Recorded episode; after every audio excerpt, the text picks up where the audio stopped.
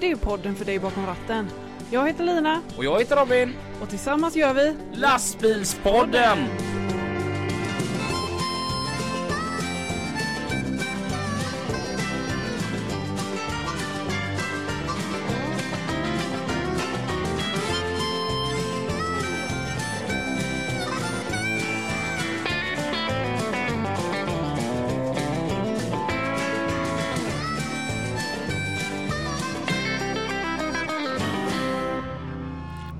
Börja med att dra din radio check en gång till. Testing, testing, one, two, three. Eller var det hallå, hallå? Varmt välkomna till ett nytt avsnitt utav Lastbilspodden Tillsammans med Lina. och Robin. Och idag. Anton, tjena. Hej Anton! Hej. Nej, trevligt. Nej. Hur är läget? Ja, men fan, det är, det är bäst. Ja, det är liksom- du göteborgare? Nej, men fan. Man kan ju styla till det med lite göteborgska bara. Jag tyckte det var helt underbart igår på middagen när Anton skulle prata just göteborgska. Mm.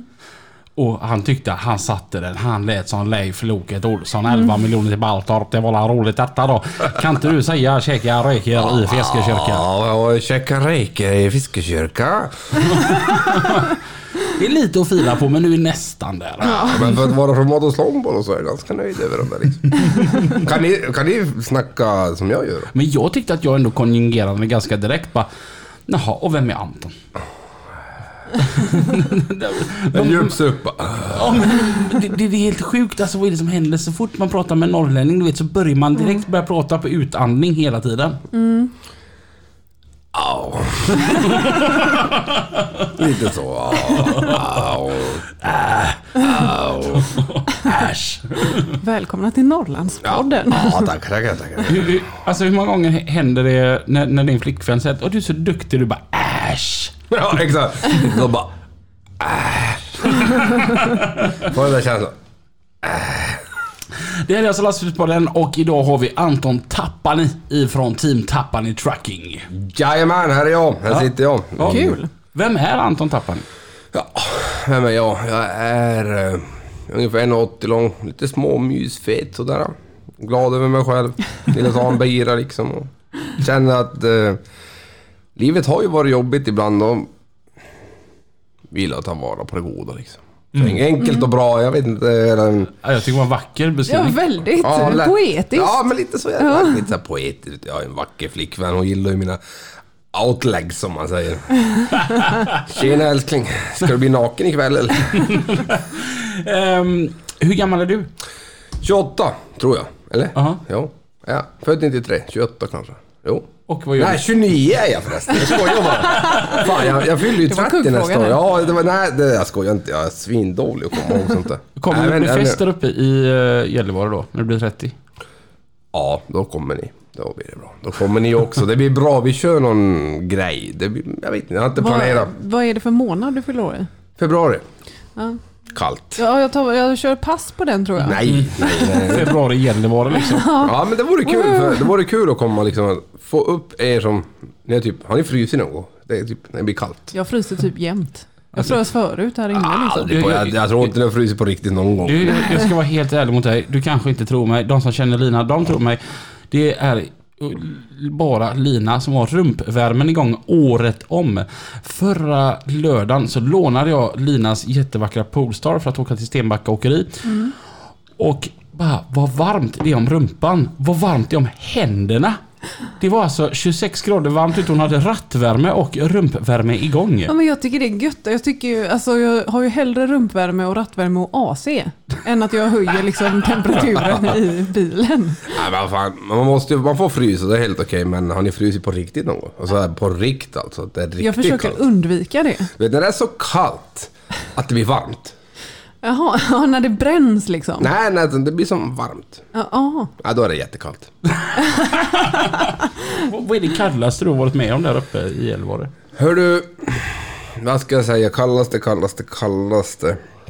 Vi arbetar i minus 46, tror jag vad som kallas. Minus 46 betyder att vi lastbilarna står och går. Vi släcker dem aldrig. Jag kom in en gång till eh, Modos Lommolo och var uppe åt Karesuando med plogbilen. Kommer ner till byn. Knallar in på gården innan, precis bara några hundra meter före jag kommer in som till gården hem till mor och far. Maten är varm och bastun är varm. Liksom allt är, jag är bortskämd som fan ska ni veta när jag kommer hem. Liksom. Det är, liksom, maten är klar och bastun är varm och nej men det är rock'n'roll. Och vad heter det? Kliver jag in då på gården och eh, precis innan, bara 200 meter före, mätaren slår liksom på... Eller Scanias mätare slutar visa vid minus 30. Då stannar liksom tempmätaren blir ett streck. Det är liksom det kallaste, eller minus 40 tror jag var som kallas, och då, då blir det som ett streck istället. Då vet man, då är det kallt. Och man känner på bilen när du kör liksom att väldigt hårt allting. Allting blir liksom stelt och allt blir hårt och du hör verkligen. Jag kan sitta, i och med att du sitter på motorn så känner du, du känner nästan vevslagen i V8. Mm. Luftfjädringen slutade funka. Eh, tappade all form av eh, elektronik på utsidan. Bilen vart helt knas. Den, den liksom hade, jag, jag ska inte jobba idag, jag har nog med det räcker för mig. Och jag knallar in där. För att komma till poängen så strax före så ringde farsan. Vi snackade med farsan innan jag for från Karesuando för att det var jättekallt. Och när det är så här jättekallt ute så Stannar min lastbil efter vägen, då måste någon komma och hämta mig. För att det är så kallt. För du, du, du fryser ihjäl. Det, det är för kallt för att vara ute liksom. Men i alla fall så kommer in på gården där hemma i Muodoslombolo och eh, bilen har fått total flask. Alltså den har blivit total knäpp. Den vill eh, lägga ner alltihop, den vill sluta leva liksom. Det är för kallt. Eh, så in då, kör in på gården mot en av motorvärmestolparna, stoppar i det, låter bilen gå. Tyvärr Miljöpartiet, nu när det är så kallt så måste grejerna gå. Vi kan inte slå av dem. Eh, pluggar i motorvärmare, låter bilen, pluggar i motorvärmare, även kupéfläktar och allting. Men det är så kallt. Alltså när du går över den där gränsen är minus 30. När du går över den gränsen att det blir så pass kallt så måste du ha hjälpvärme om, om du inte arbetar med, speciellt en V8. Han blir kall fort. Och vad heter det? I med bilen, in till motorvärmestolpen, pluggar hela kontakterna och eh, jag låter bilen stå. Han stod och gick nästan två dagar i sträck. Innan jag fick in, han fick plats inne i verkstaden så jag kunde köra in honom dit och helt enkelt. Och... Eh, nej men alltså, när det är så pass kallt ute så, vad heter det? Det blåser inte, det snöar inte och... Eh, det är bara allmänt skitkallt liksom. Och man får ju Allmänt jävla skitkallt. Ja men allmänt jävla skitkallt. Jag menar... Då är, det, då är det inte ens en norrlänning. Jag tycker det är gött att bo i Norrland. Nej alltså det blir så jävla... Alltså, Och det är inte det vi- att man går efter den här eh, prognosen att eh, minus 20 känns som minus 40, utan det är minus 40 känns som minus 40. Ja absolut. Jag menar det går inte. Alltså, när det blir det när du kommer ner de där graderna. Det är som att... Hur ska jag förklara? Det är som att... Tänk dig att kliva ut bara och så känner du när kinden rosar sig direkt. Du kommer ut liksom, du känner... Det enda du har som synligt på hela kroppen det är ditt ansikte. Och jag menar, du känner direkt när han rosar sig. Du blir alldeles röd om sig. Som ungarna när de har varit ute när det har varit lite minusgrader liksom. Man blir så här frostig i näshåren. Ja, absolut. Nej, frost i näshåren, frost i skägget. Jag menar... Du vill inte vara ute när det är så kallt. Det är Nej. liksom att... Det ryker från alla skorstenar för att det behövs liksom. Att det är inte... Nej. Det är kallt. Det kan, vi, kan, vi, kan, vi kan väl dra den parallellen att det blir ju jävligt kallt. När det blir kallt i, Nor- när det blir kallt i Norrbotten då är det kallt. Och speciellt i Muodoslombolo. Då är det kallt på riktigt liksom. Ja, jag, vad, vad heter ortsnamnet? Jag har hört det fyra gånger nu men jag har inte riktigt Jag uppfattat. tänker samma. Du tänker samma? Ja.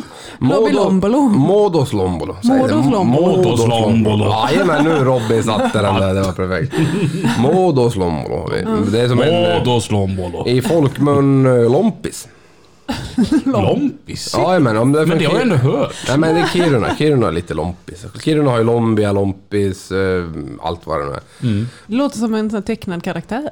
Lompis. Ja, Det är nästan som en, det är lite som en Disney-film. Det är vackert. Det är lite som en Ja. Disney-film. Jag måste bara dra ett litet inlägg. Jag hörde en sån rolig grej igår. Jag la även ut detta på Facebook. Och apropå din Scania V8 du precis pratade om här.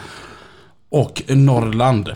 Det här är så jäkla roligt. Och det, alltså det är roligt även om man älskar Scania. Men det var roligare när man inte gör det. Okej.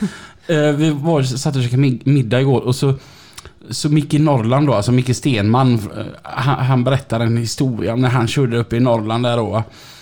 Och så säger han säkert, alltså kom jag där och så skulle jag som öppna baken och så, så trycker jag ju som gasen i botten på den där Scania V8. Men det är att trycka gasen i botten på en Scania V8, det är ungefär som att ringa till fröken ur. Det, det tutar bara upptaget. Nej men faktiskt, jag, jag, just det med kyla om man säger. Jag har en liten historia. Vi drog ju, jag drog hem en, eh, en av gamvagnarna jag hade då, en liten treaxlig. Ja, jag kommer inte ihåg fabrikaten och det var väl oväsentligt. Men i alla fall så. Med 750, tungdragaren. Kopplade en liten treaxlig jumbo efter. På väg hem till ja, familjehemmet Tornedalen. Kommer halvvägs, halvvägs ungefär. Nu är det 20 mil liksom framkörning för att komma till Modelslom och det är långt.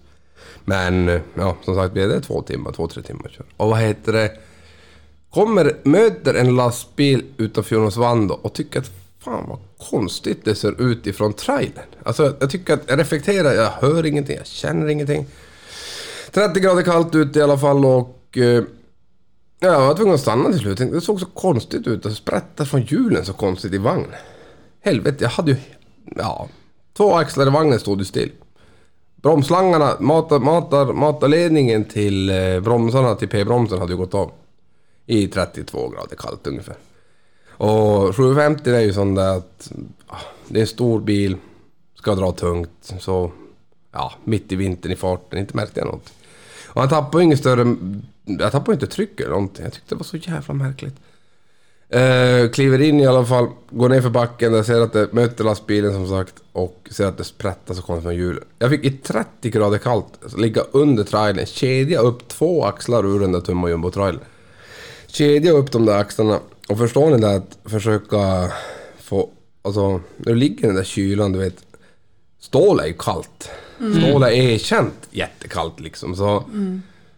Nej, det var en sån där, det är ett minne för livet. Det var jättejobbigt. Det var inte så man slickade på det. Nej, det var väl ungefär sådär att tar du av dig handsken och så tag i kedjan, då sitter du kvar där. Ungefär, det var på den nivån lite grann. Ja, jag känner bara, mm, vad sugen jag är på att flytta till Norrland. Ja, det det, hade varit så kul. Men det är ju så här. Det fina i alltihop, det är ju torrt. Det är liksom, du kan Ja. om du tänk, tänker så här, prova Det är någon inte den här slasken som man har i Göteborg. Nej, absolut inte. Prova det här någon gång när ni är, om det är typ under 20 grader kallt. Så fyll ett, eh, ett dricksglas eller en, någonting med kokande vatten så att det ångar från det. Och så slänger ni iväg det upp i luften. Du vet, grejen är så här att när ni slänger upp det där och som drar upp det i luften så kommer det... På, den, på den tiden där uppe i luften kommer det frysa till is och falla ner som snö. Det, är, det är en sån där grej liksom att ja, youtubers gillar att göra liksom. och- Men det är som varje dag ibland liksom. Ja. Jag fick faktiskt höra en grej ifrån Robin Svan på Autofrakt. Jaha. Det stämde. Mm. Om du tar, nu ska vi se här. Om du tar ett glas med kallt vatten. Som är så här typ 8 grader bara. Och så ställer du in det i kylen. Som är inställd på 4 grader. Så kommer det ta längre tid för det glaset att bli kallt. Än om du tar ett glas med varmt vatten. Riktigt varmt alltså. Om du kör vattenkokaren. Kör du in det i kylen. Då blir det kallt direkt. Har ni lärt er något nytt? Ja, det är fysik. det är ja. fysik. Ja, ja, är det. Anton, du, du är ju då alltså 29 år, det blir 30-årsfest eh, i februari. Då blir det Men- kalas. Men när du var 15 år, Mm. vad hände då i huvudet? Var, var det moppe? Eller kör man moped där uppe? Det är hela skoter eller? Ja, epa, epa. Vi, vi är, Vad hade du för epa? Ja, en Volvo Duett. Volvo Duett. En... eh, Ja, det var en A-traktor till och med. Det var ingen epa. Uh, kusinen hade en äkta epa. Då var det fränan som fan. Det gick jättefort. Hade en Volvo Duett då. Uh, bladad bak. Hur många Eh, Wonderbaums? Ja, säkert 30 kanske. Ja, 30-40. Var du så här coolast på bin? Ja, ja, ja. Vi var ju som fränast på byn, det måste jag säga. Det var, det var vi. Och det, just det där, det fräna att i och med att jag kommer från gränslandet, så epa-traktor finns ju inte i Finland. Så jag var ju mycket, jag har mycket kusin och släkt på finska sidan. Vi bodde i gränslandet på mellan, eh, ja, vad hade jag, 5-8 kilometer till finska sidan. Så hade ju alla kusiner där, alla vänner där, så vi var ju där och liksom och hängde liksom hela tiden. Och Då får man lov att köra med epatraktorn där? Ja, vi, hade vi hamnade i en liten clinch med snuten där om man säger. Och, eh, men grejen är den att EPA-traktorn är ju registrerad som ett fordon i Sverige. Sverige är med i EU, och även Finland. Så att eh, det gjorde i sin tur att ja, jag fick jobba, jag fick köra med det. Grabbarna i Finland, de körde med någon Valtra och någon gammal Ford liksom, så en traktor alltså.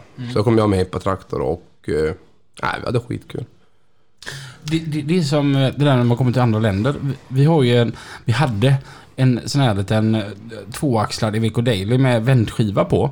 Och så en trailer hängande på den.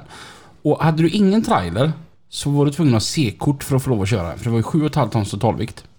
Kopplar du trailern, då behöver du bara BE-kort helt plötsligt. För vikt, viktförhållandena Jajamän, ändras. jajamän. Jaha. Och så kom han till Norge och så blev jag stannad.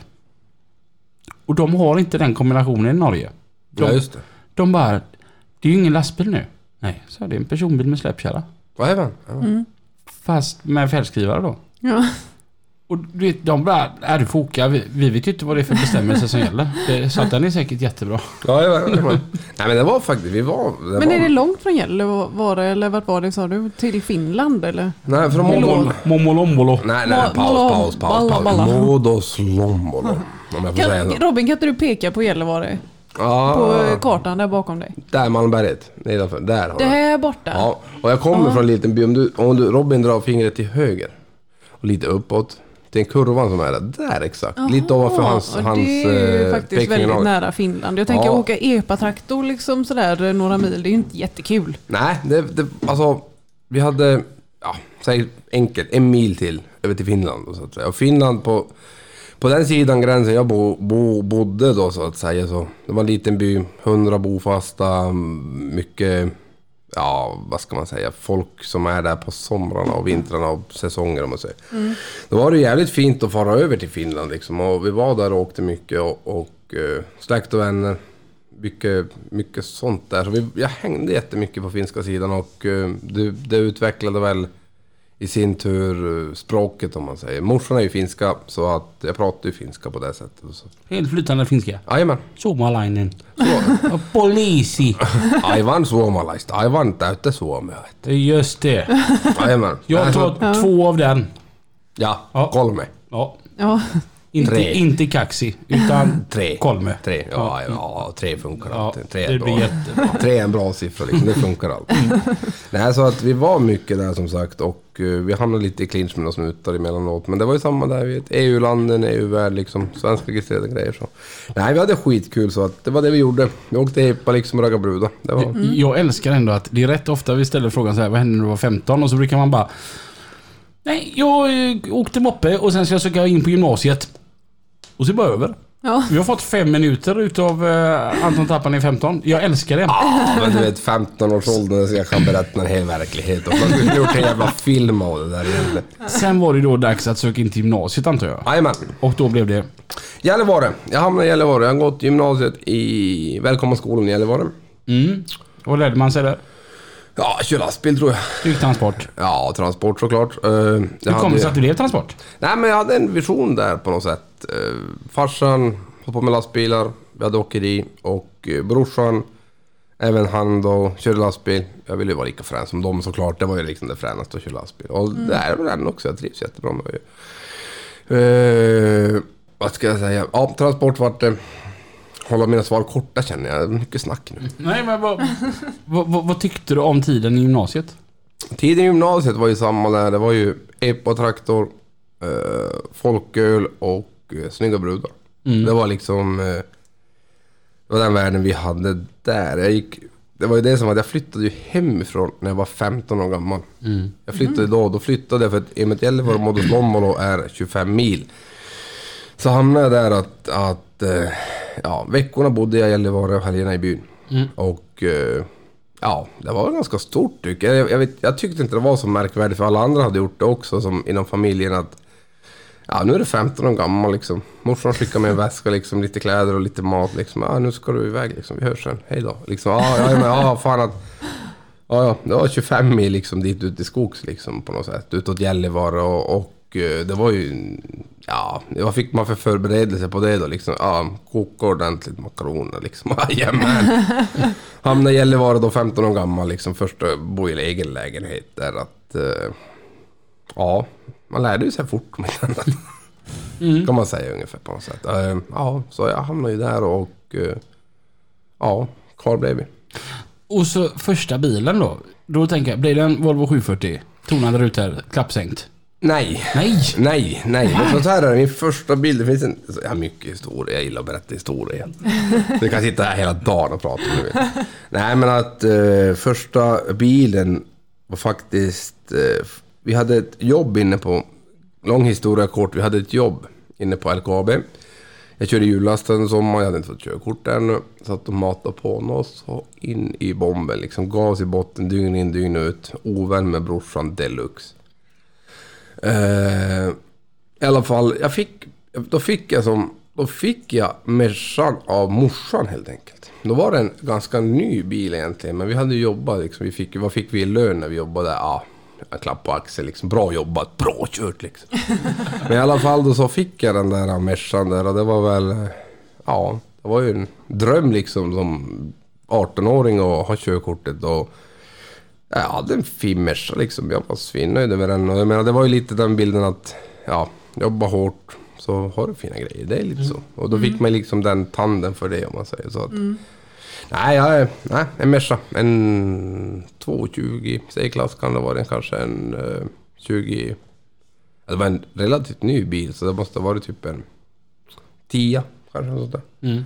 Men det var... Ja. Och sen tog du studenten. Jajamän. Kommer du ihåg någonting från studentnatten? Jag lägger på sjukhus hela studenten. Jajamän, hela Nej. studenten lägger jag på sjukhus. Ja, vi var körde lite cross och sådär, så blev det så där knasigt. Nej men att eh, det är sant, jag har ett jättestort ärr i knät om du ser. Oj jäklar! Ja, över hela knät har jag ett stort ärr och det är ju för... eh, Ja, vi skulle ju ha veckan innan studenten och köra lite krobbe liksom på banan och tycka att det var kul och... Vad ska man säga? Fick, man kallar det för whiskygas. Ja, jag hängde av hojen. Man säger, jag missade fötterna ifrån eh, fotpinnarna och så håller du i dig för glatta livet och i och med det så håller du full gas. Rakt över målkurvan, ut långt i periferin och eh, mitt lårben och skenben slog ihop med varandra. Hela knät kollapsade och eh, så vart det sjukhushistoria av alltihop. Eh, Så där låg du i studenten och bara Jo, har tagit studenten, höll på morfi- morfin. Jajamän, jajamän. Jo, det var svinkul. Det var jättebra. T- Tillbaka bara innan studenten. Du, du pratade om snygga brudar. Mm.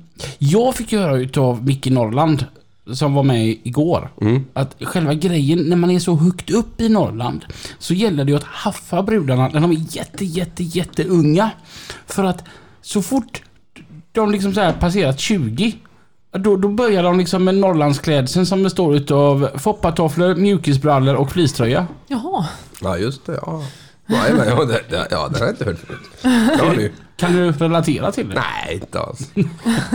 inte alls. Tyvärr, jag ledsen, men ingenting alls. Nej. Det är Micke som är tillhör en annan generation kanske. Ja, men du vet vad fan. Det, nej, inte vet jag vad. Det var väl... Det, Men när du var klar då från din sjukhusvistelse, då var det dags att börja köra trollare. Jajamän. Och första lastbilen. Första lastbilen satt jag en 144, en 460 Scania och... Eh, ja, en 460 Scania och... Eh, körde grus egentligen. Jag hamnade i grusbilen. Vi hade några grusbilar. Vi hade tre stycken då på farsans tid. Och eh, där satt jag och gasade liksom på raka pipes liksom. Rakade brudar liksom. Gas i botten. Det var väldigt... Var det farsans lastbil då eller? Det var farsans lastbil. Jag körde åt farsan liksom. Men det var farsan på den tiden så var det ju som... Farsan var ju the big boss och farsan var liksom... Ja, han är ju fortfarande liksom the big boss om man säger. Han... Han... Eh, vad ska man säga? Även om vi gör som vi vill. Om man ska dra en snabb parallell. Idag gör vi som vi vill men... Eh, jag brukar låta farsan ha sista ordet bara för att han ska tycka att han har sagt sista ordet. Sen gör jag ändå som jag vill liksom hela tiden. Men det är liksom, det handlar om att hålla igång gubben på något sätt. Och om man låter dem, då blir det mycket bättre också. För jag tänker så här att det är lätt annars kanske att hamna i en diskussion.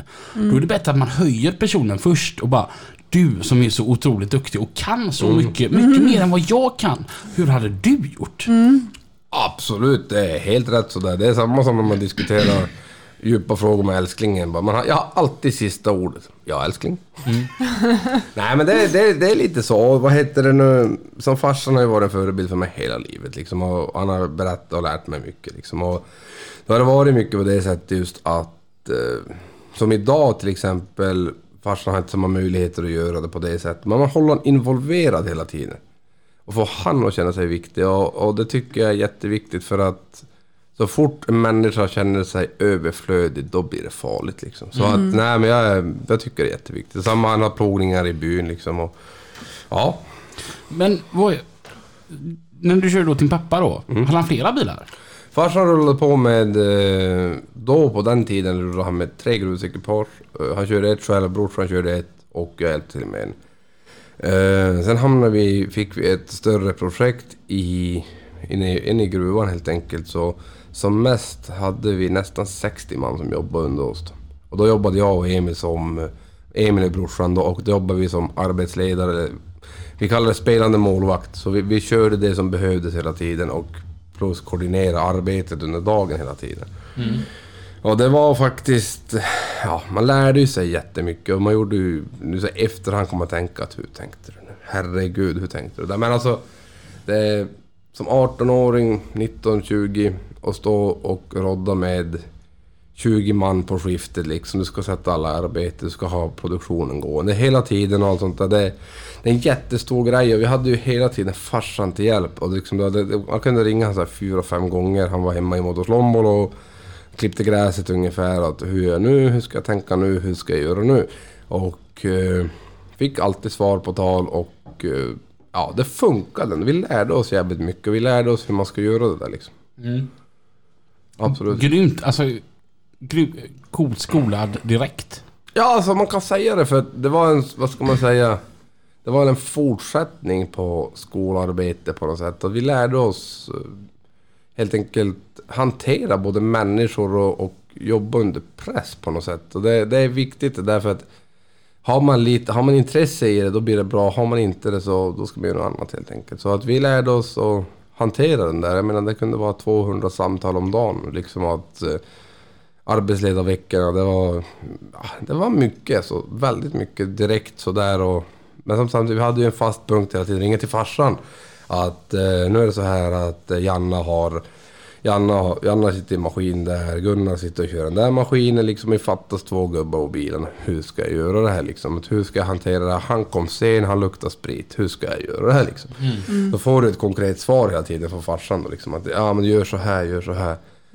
Och, och tänk så här. Och eh, det formade oss väldigt väl som eh, mig och brorsan liksom. Att hur man ska då hantera folk och hur man ska vara. Och det, det där är jättesvårt när man är liksom ung. Alltså du har ju inte, du har ju inte egentligen den erfarenheten av människor som man behöver ha. Utan att man får ju som ta det med tiden på något sätt.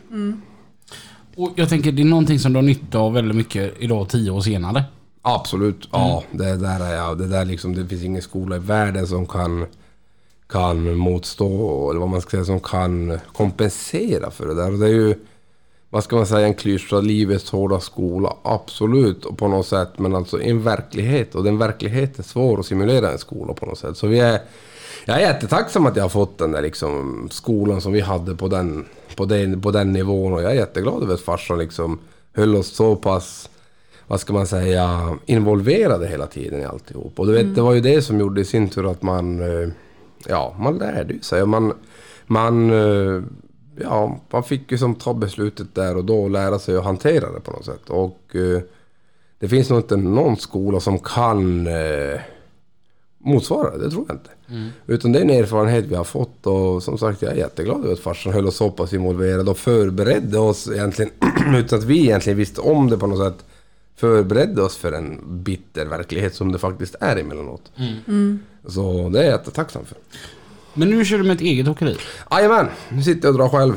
Eh, Hur hamnade du in på det med att du skulle börja med eget? Jag tänker för det är väl gött att jobba för farsan tänker jag. Ja, så här var det att, att farsan som sagt, han... Eh, ja, vi fick ju driva...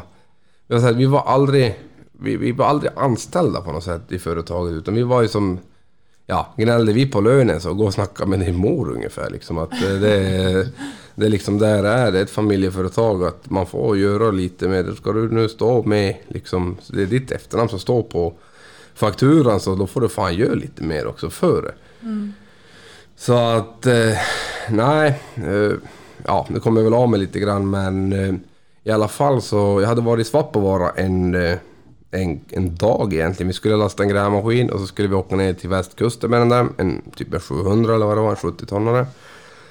Kommer jag hem i alla fall, saker och ting blev ändrat och allt vad det var. Så kom jag ju hem tillbaka till depån eller etableringen om man säger. Det var vi hade alla grejer.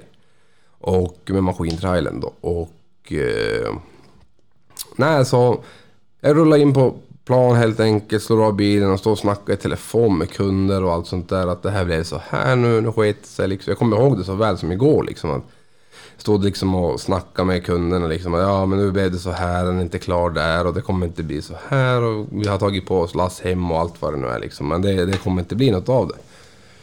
I alla fall så rullar farsan in med en av reservbilarna. Han har varit och kört under dagen i gruvan. Och eh, jag tycker han kör konstigt. Alltså, farsan är ju rutinerad pilot. Han har kört hela sitt liv. Och jag tyckte som att... Fan vad burdust han kommer in på gårdsplanen liksom och allt sånt där. Och det var inne på gruvan då. Och vad heter det... Men i alla fall, jag går runt och snackar i telefon. och ser ut som farsan ligger som en gungar inne i... Det var en gammal Scania då. Han sitter som en gungar inne i hytten. Jag tänkte att han sitter och skriver körsedlar. För vi skrev ju körsedlar hela tiden. Alltihop liksom varje dag vad vi gjorde och hur, alltså för att kunna ha en uppföljning på hela tiden.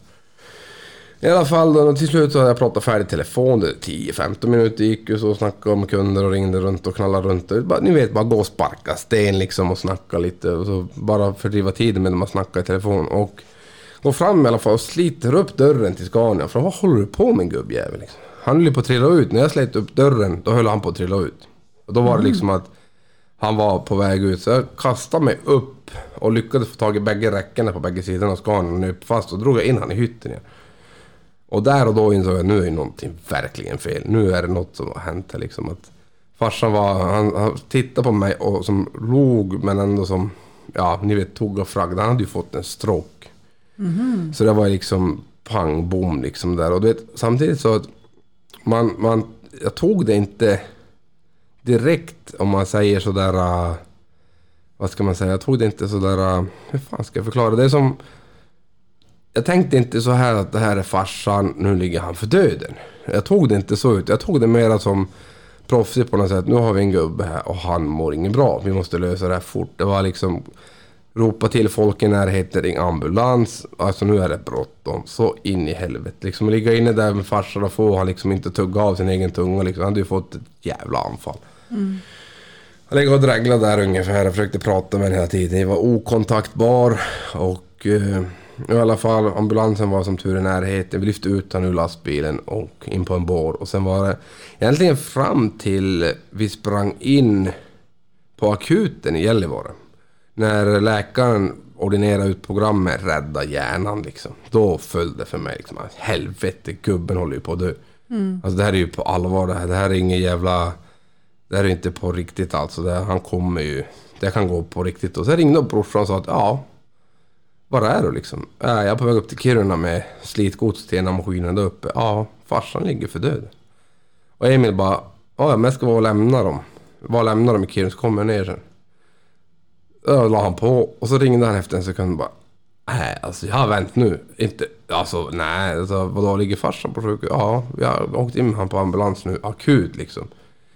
Att, nej, alltså han vände på ET, han drog kryckan och vände där och var, vad fan, stålet kan ju vänta, det är ju skitsamma liksom. Ringa hela familjen där. Det tog, hitta en plats i allt vad det var någonstans och stå sig egentligen för eh, stå sig och vara som ett stöd för både morsan och farsan. Eller morsan och brorsan och syrran liksom.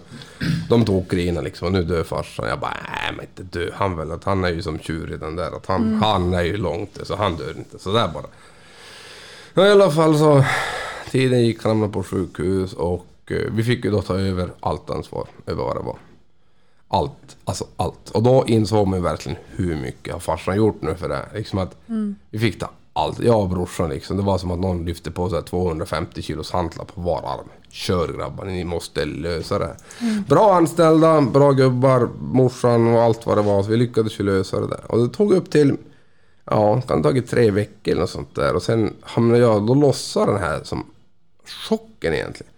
Jag, var ute, jag gick ut och satte mig ut. Jag bodde i ett hus på Murgatan i Malmberget där och gick ut och satte mig liksom. Och då brast. Alltså då var det liksom då. Jag satt, eh, jag satt vuxen kar. Nu får man inte säga det här, i Norrland vi grinar ju inte, men jag böl alltså. Det var ju verkligen det att nu dör farsan liksom att det var... Det var hårt som fan liksom få den där insikten. Jag har ju bara skjutit bort det där hela tiden. Jag känner inte, jag ska inte känna efter. Jag måste, någon måste ju stå pall liksom. Familjen rasar. Folk ska dö liksom. Och, och sen på något sätt. Men det kom ju kapp till slut verkligheten där också. Så att det blev så. Men eh, just den där bortgången av... Eller farsan dog ju inte där som tur var. Han klarade sig. Han mår bra idag. Han har tappat högersidan men han är ju sån där tjurskallig jävel liksom. Samma, samma år så kunde han gå igen. Han tappade ju allt. Det var jättejobbigt i början. Där liksom hajade att han kunde inte... Han kunde inte, han kommer inte ihåg vem vi var. Alltså han tappade... Hjärnan fick ju en allvarlig smäll liksom. Men det kom tillbaka till slut i alla fall. Han tappade nu högersidan visst, men han lever ju gubben i alla fall. Fick vi tillbaka den där, någon vi kan ringa och snacka med eller vad man säger. Och eh, det vart väl... Eh, ja. Just det övertagandet vart ju väldigt... Om man går tillbaka till eh, frågan där liksom. Övertagandet av verksamheten blev ju verkligen en... Det var en stol som kastades i ansiktet liksom. Att nu måste ni lösa det. Och vi gjorde det och...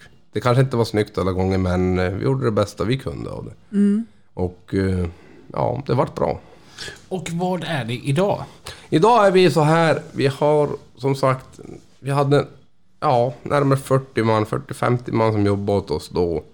Idag är vi nere på tre anställda. Det är jag kör ett ekipage, brorsan kör ett ekipage, så har vi en dräng Juha. Kör lille bilen då, lilla ekipaget, han kan hålla på med långsträckor om man säger. Och eh, det är där vi är idag. Vi har en, hur ska man säga, företagsekonomin är bra liksom och vi har, vi har en, en bra grej och det funkar. Vi har hittat vad vi ska göra och vi hittar vad vi gillar att göra. Och... Eh, nej men... Vi trivs med det. Det är bra. Så att, ja. Och vad är det ni kör för någonting? Vi kör bara specialgods. Det gillar vi. Det, vi tycker det är kul. När ju jobbigare ju bättre. Det är det bästa vi vet liksom. Det ska vara sådär... Det ska inte bara vara kallt, det ska vara jävligt jobbigt. Absolut. Ja men vi är inne i det där norrländska. Det ska vara jobbigt som fan. Det tycker vi är kul. Mm, Och inte fan grinar ni. Nej, fan du vet, jobbigare är ju roligare. Det är ju lite så, jag menar... Man säger själv liksom, man kan ju säga till sig själv liksom att hur kul var det liksom att kliva in genom dörren idag? Det var ju inte jobbigt. Nej, det var inte jobbigt. Det var jätteenkelt. Nej, men att vi flyttade så här en eh, 400 tons grävmaskin i 30 lass liksom idag. Liksom, vi löste det där bra. Det känns bra liksom. Vi tycker det är kul och vi gillar det också. Och eh, nej, just det här specialgodset, det är ju så. Vi har nischat in oss på det och eh, nej, vi tycker det är kul.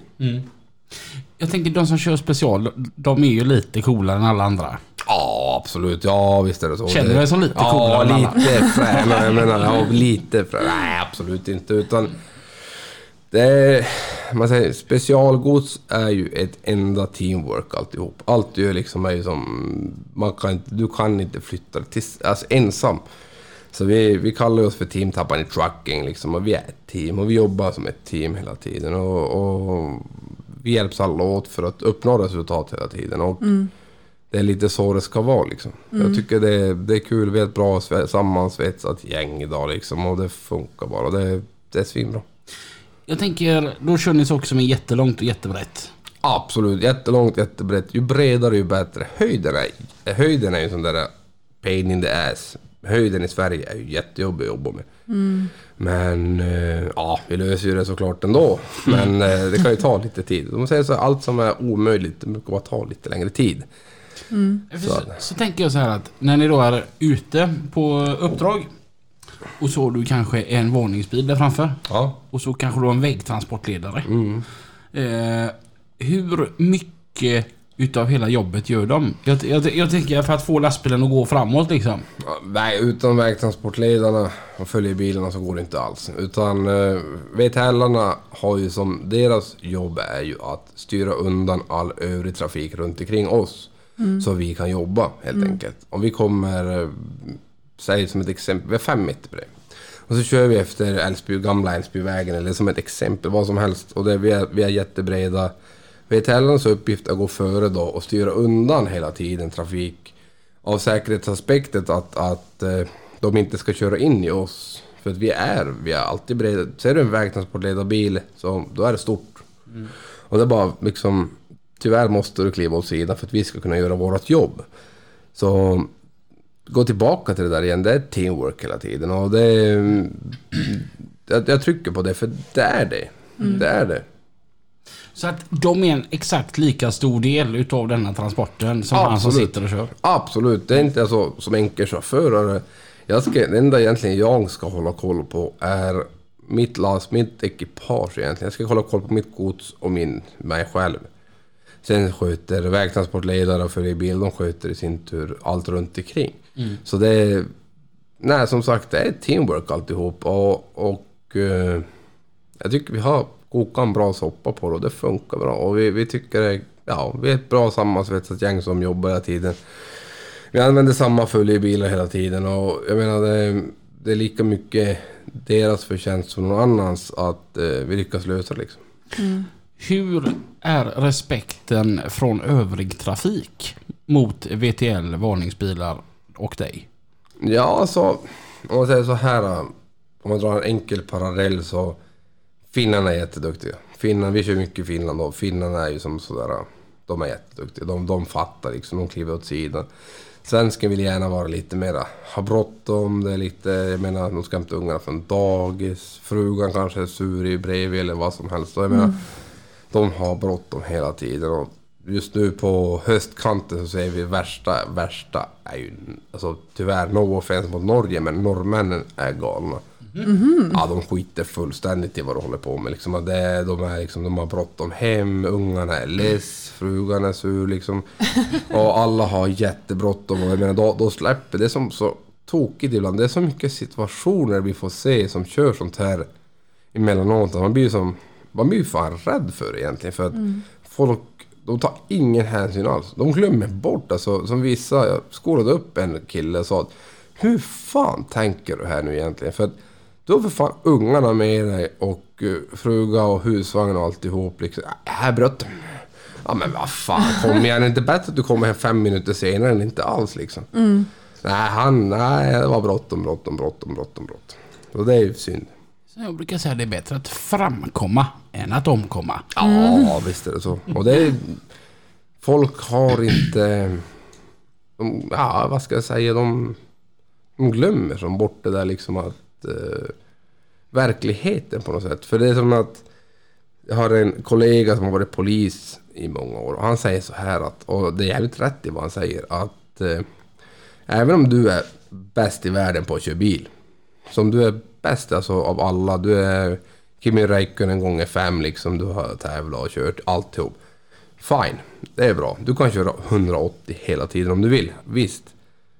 Men alla andra trafikanter mm. Jag menar det kan ju vara, säg som ett exempel, typ tan- tant Agda eller något sånt där. Hon är ju inte lika med. Hon ser inte att du kommer och hon svänger vänster. Här eller höger, här liksom. Det är där det blir farligt. Så att, eh, nej. Jag tyckte det var en bra parallell att dra liksom på det sättet. Ganska ofta, vi har en bro strax utanför Göteborg och vi har många broar men vi har framförallt en då som förbinder Hisingen med Kungälv. Och den så stänger de av ganska ofta så fort det kommer något som är lite lite tyngre så ska den stängas av. Och så häromveckan så hamnade jag bakom en VTL-are.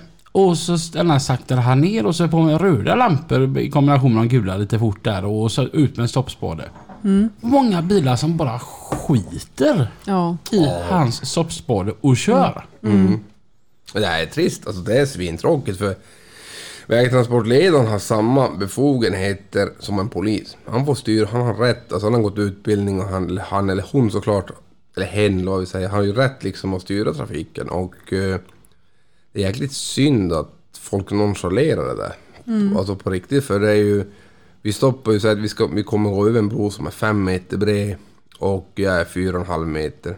Ska du dra in den där kian? Ska du dra in magen liksom så du kommer förbi eller?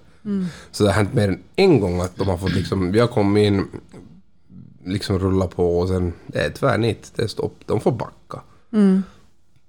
Så att, ja. Men blir man inte lite nöjd i magen då? På något vis? Att nu din dumma Absolut, ja det är, du. ja, det är svinskönt. Sen alltså, det är lite som att visa att vi är inte här för skojs skull heller liksom. Att det, vi, vi, vi, vi vill inte, vi är inte här för att jävlas med det på något sätt. Vi gör vårt jobb liksom. Vi ska transportera den här grejen från A till B och vi vill göra det så med lite åverkan som möjligt på trafiken liksom. Och att du måste då släppa gasen och eh, ja, leva med att du kanske kommer hem 20 sekunder senare. Det, ja, det är svårt för en del att förstå men det, folk är sådär. Det, och det är trist. För vi jobbar ändå ut med vägen. Ja, vi är ju på Elmia här idag. Det är ju dag två för oss. Ja, Och vi sitter på ett hotellrum och spelar in. Det är därför kanske ljudkvaliteten inte är precis densamma som Inte när som vi den sitter brukar. Mm. hemma. Men idag tycker jag den var förträffligt bra. Vi har bytt hotell idag. ja. På grund av det här eh, vinddånet. Vi hade lite problem med fläkten sist. Jaha. Ja. Ehm, och när vi har gått idag på mässområdet, det är torsdag idag för oss, så har vi sett en ny Scania som var... Det, det står Tapani på den. Jajamän! Idag har vi visat upp våra nya tungdragare. Jajamän. Kan vi berätta om den? Vad vill du veta? Bara, Scenen är din min vän. Oh, det är en bil jag byggt. Ett och ett halvt år har vi byggt på den här bilen. Eller ja, nej det är inte hela sanningen heller utan vi har... Uh, uh, vad ska jag säga? Var ska jag börja? Ett och ett halvt år sedan beställde jag bilen. Leveranstider på det. Så vi har väl byggt på. Han kanske hos påbyggare totalt sen i januari och vi är nu i augusti va? Slutet av augusti. Uh, 770 Scania S-hytt, tungdragare. Uh, byggnationen PG-Tech, inredningen BRL och uh, foliet, dekoren, om man säger är uh, uh, Trogen Design.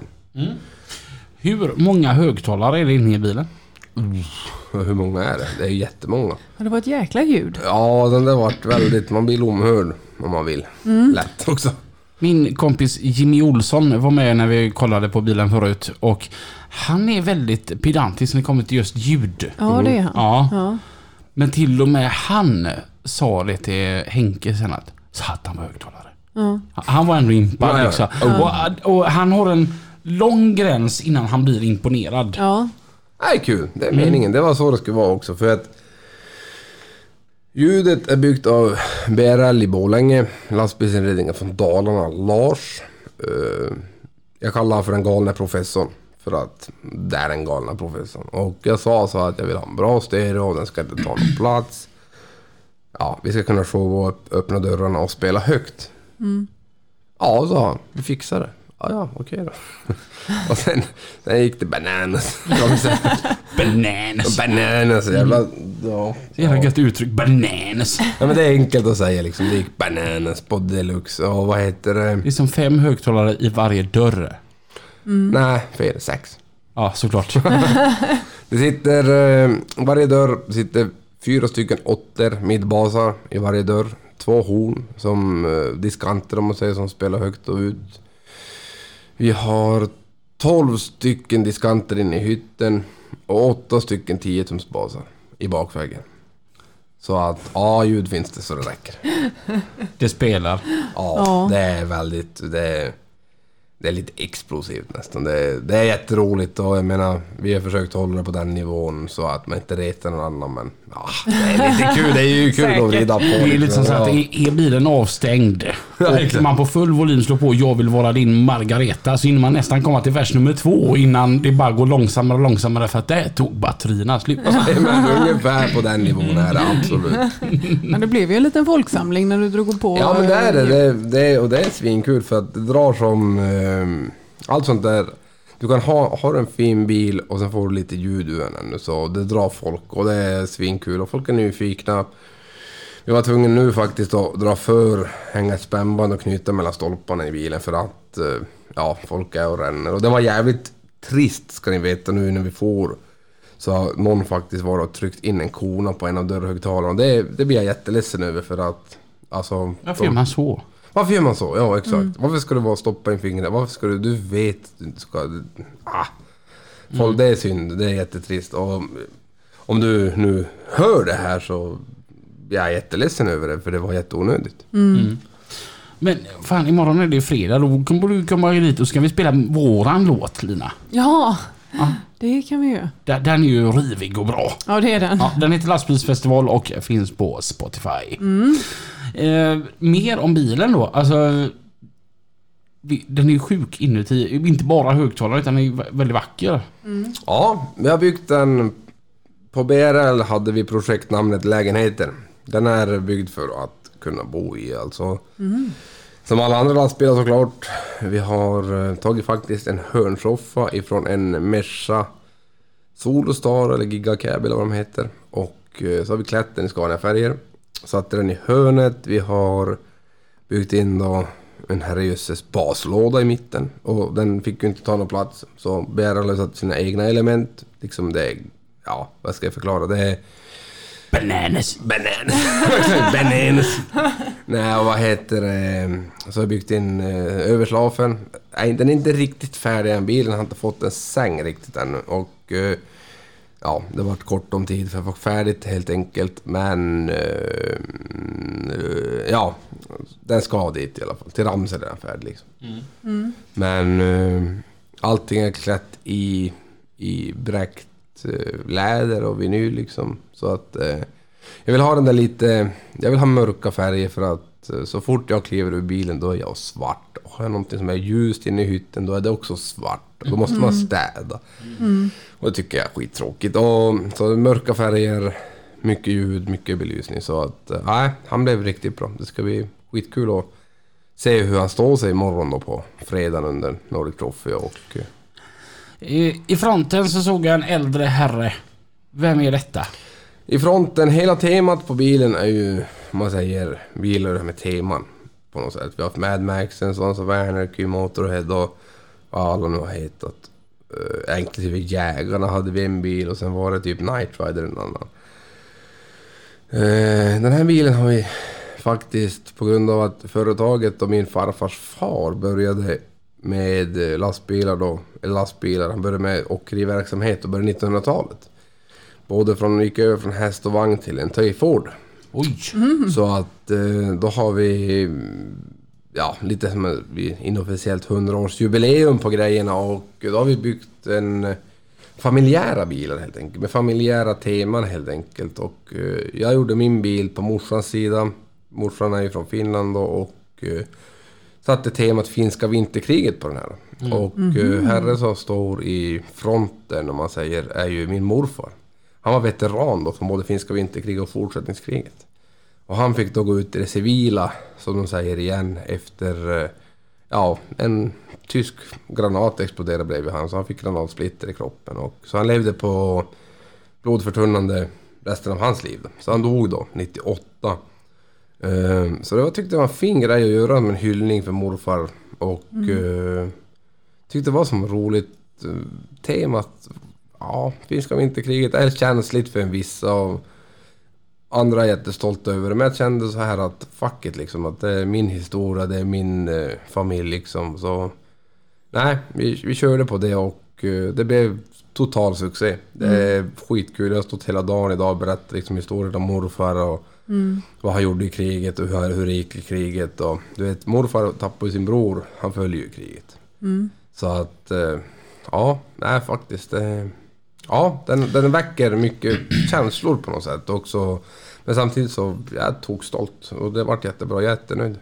Det jag tycker är så häftigt är att det är ju tre foton på din morfar. Jajamän, jajamän. Tre foton i fronten och, och eh, för att tillägga, du vet de här fotografierna som var, de är ju lika stora ungefär som en halv snusdosa, som en tändare var de stora. Det är originalfoton från 40-talet.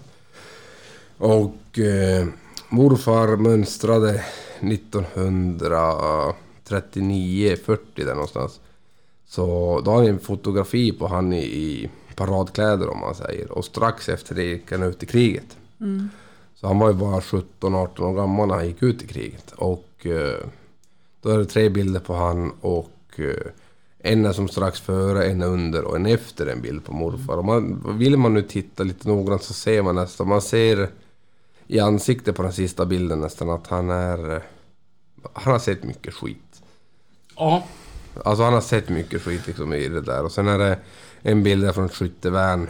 De, de stod där hela gänget i skyttevärn, blev fotograferade och så morfar tog faktiskt och ritade dit kors på hjälmen på de som föll i kriget.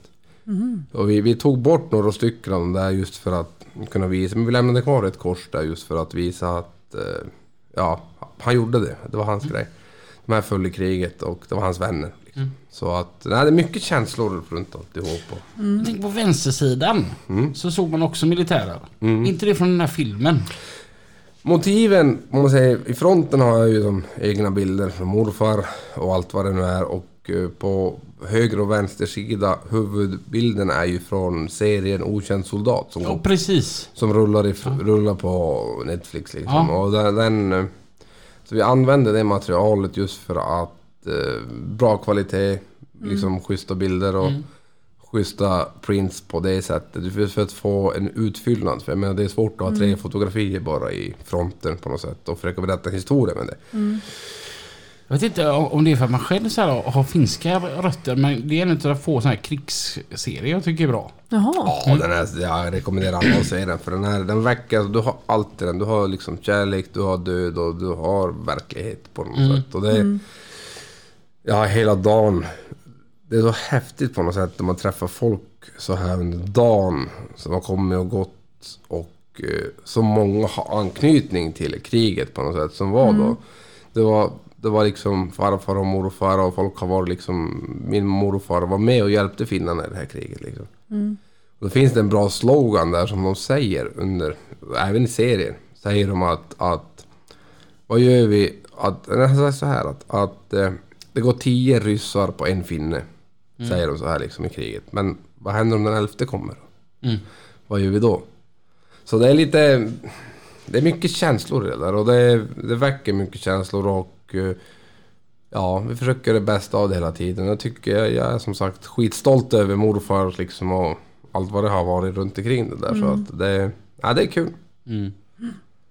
Ja, och, och just i tider som dessa också. Mm. Så, så är det ju en, det är en känslig grej men jag tycker det är en grym grej att hedra.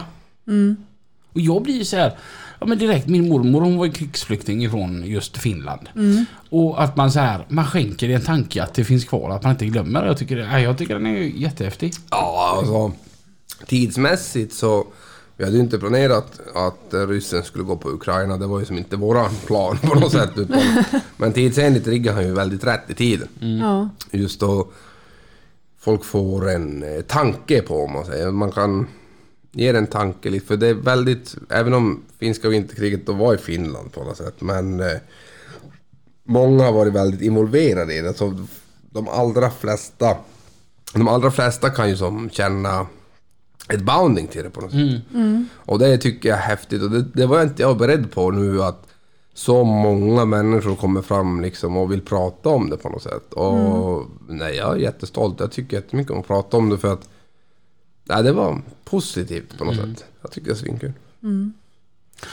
Typ hela Göteborg är ju uppbyggt utav finnar. Hemma är det ju rätt många som kan relatera till en sådan bil. Ja, Saab Scania, Rollhättan, satan. ja, det var en, det var en faktiskt som sa det, en finne bara Saab Scania, Rollhättan, satan. ja, det var liksom, de var, det var, de, men det var ju också mycket efter kriget. Och det, var, det fanns inget jobb i Finland, de får till. De får till Sverige. Min, min mormor var i, i, vad kallar man det? I läger eller i skyddsläger. Evakko heter det på finska. Som har ett skydd från kriget. I Ramsele till och med. Så det är lite häftigt och jag berättade åt morsan för massa år sedan. Ah, jag ska på lastbilsträffen i Ramsele. Ja, din mormor var där i... Alltså hon var där i sju månader eller åtta månader liksom i skydd från kriget helt enkelt. Så det är lite tufft på något sätt. Så ja. Vi har pratat så lite om vad det är du arbetar med faktiskt. Tyngsta du någonsin har kört? Tyngsta jag har kört... eh, ja, i ton är det bara några månader sedan vi har flyttat i markbygden i vindparken. Då hade jag 135 ton på trail. Oj. Åh satana. Då hade jag en totalvikt, nu, nu överlastade vi. Enligt vanliga vägar får du inte väga så mycket. Jag får ju 15 ton per axelsats. Eller axelgrupp om man säger. Och eh, nu var det ju ja, över det heller. Sju axlar har jag i trailern, fyra på bilen. Så att ja, någon, någon, någon som vill räkna får ju räkna på det där. Men, men eh, 135 ton på trailern med en totalvikt på 175 ton. Det var tungt. det var, det var... Det var det gött att man åkte 750. Ja, då Volvo stackare. Jag satt och lyssnade vid rutan nere och som drar igång det där. Och eh, Ja, så att bara vänta att nu kommer jag så här, "Nej, pff, Går åt helvete allting. nej, men det, nej men det gick bra. Men det är första gången någonsin jag har gått ner på tvåans växel i Volvo. Oj. Ja. Det är första gången någonsin jag har gått ner. Det har blivit så pass tungt så att emot lutet att bilen har klivit ner på två. Så det var, det var en bra upplevelse. Längsta du har haft på trailern? Längst där på trailern. Jag har dragit... Vi drog mycket segelbåtsmastar till norra Finland. De byggs... Segelbåtsmastarna byggs i Västervik. Av en firma där, Kolfiber. Så de längsta vi har dragit därifrån har varit 35 meter långa. Det är ändå jäkligt långt på Ja, några det det, det. det, Ja, då, tar ju vi, nä- då, plats. då är vi nästan 40 meter långt totalt. Då lastar, men det grejen är det att även om de är 35 meter långa så väger de inte mer än 600 kilo. Det är sjukt. Ja, det är Ja. svinlöjligt att komma och dra isär så mycket trailer och ha så mycket axlar när någonting väger ingenting. Men det är ju... Du man hade ju- kunnat ha det på Nissan Navara liksom. Ja, ungefär. Absolut. Man kan ställa den på taket och binda fast den dit. Men det, det är det längsta vi har dragit. Och, och eh, då drog vi upp den. Vi, drog, vi har dragit dem i flera etapper. Och då har vi åkt både färja från Umeå och vi har åkt färja från Kapellskär över till Finland och sådana grejer. Så att... eh, Ja, men det är det längsta i alla fall. Det bredaste du har haft på trailern?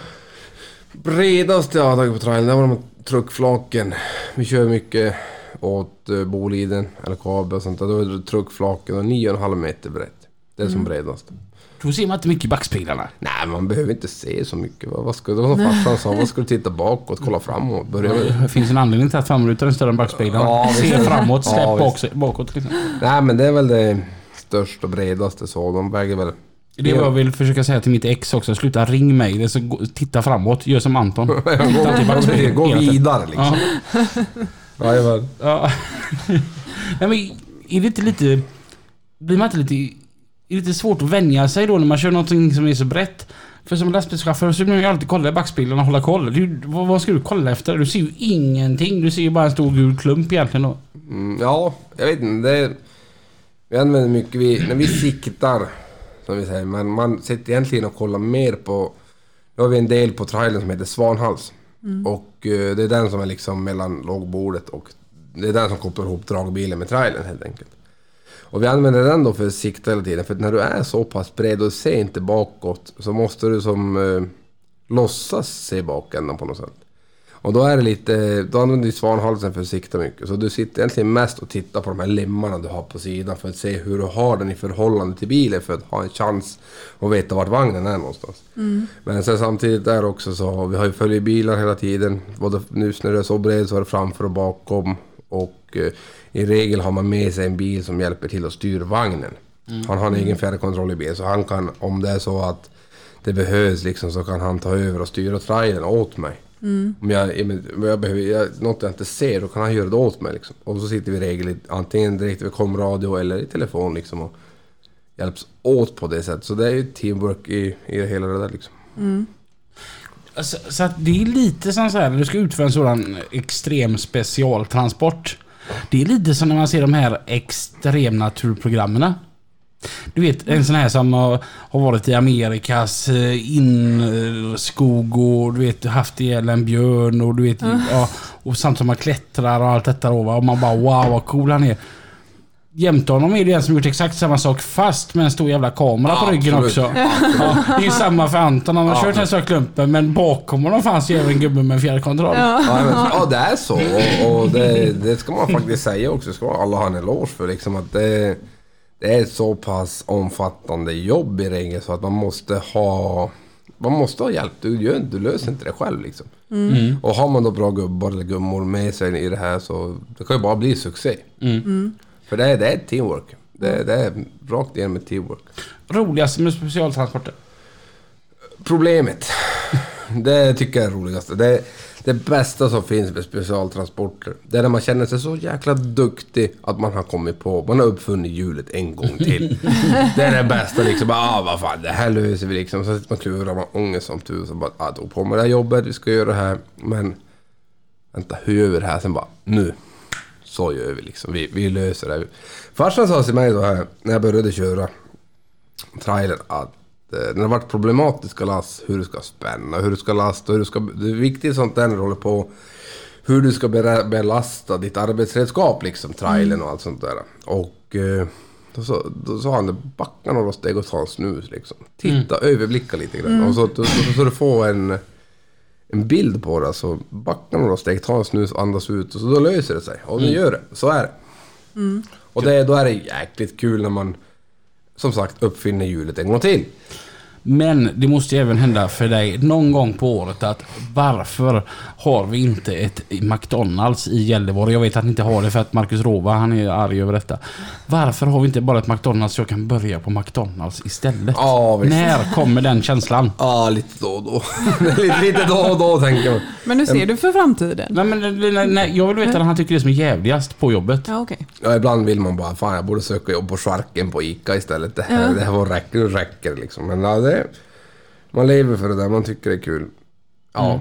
jag vet inte. Det är, Det är en drog. det, är en, det är en drog och det är liksom... Vi gillar att... Det bästa som vi har, som jag tycker liksom är det bästa, det är att man kan liksom... Man löser ett problem en kund har. Och det vi ska vara den där lösningen och att vi kommer fram till det liksom, så här ska vi göra.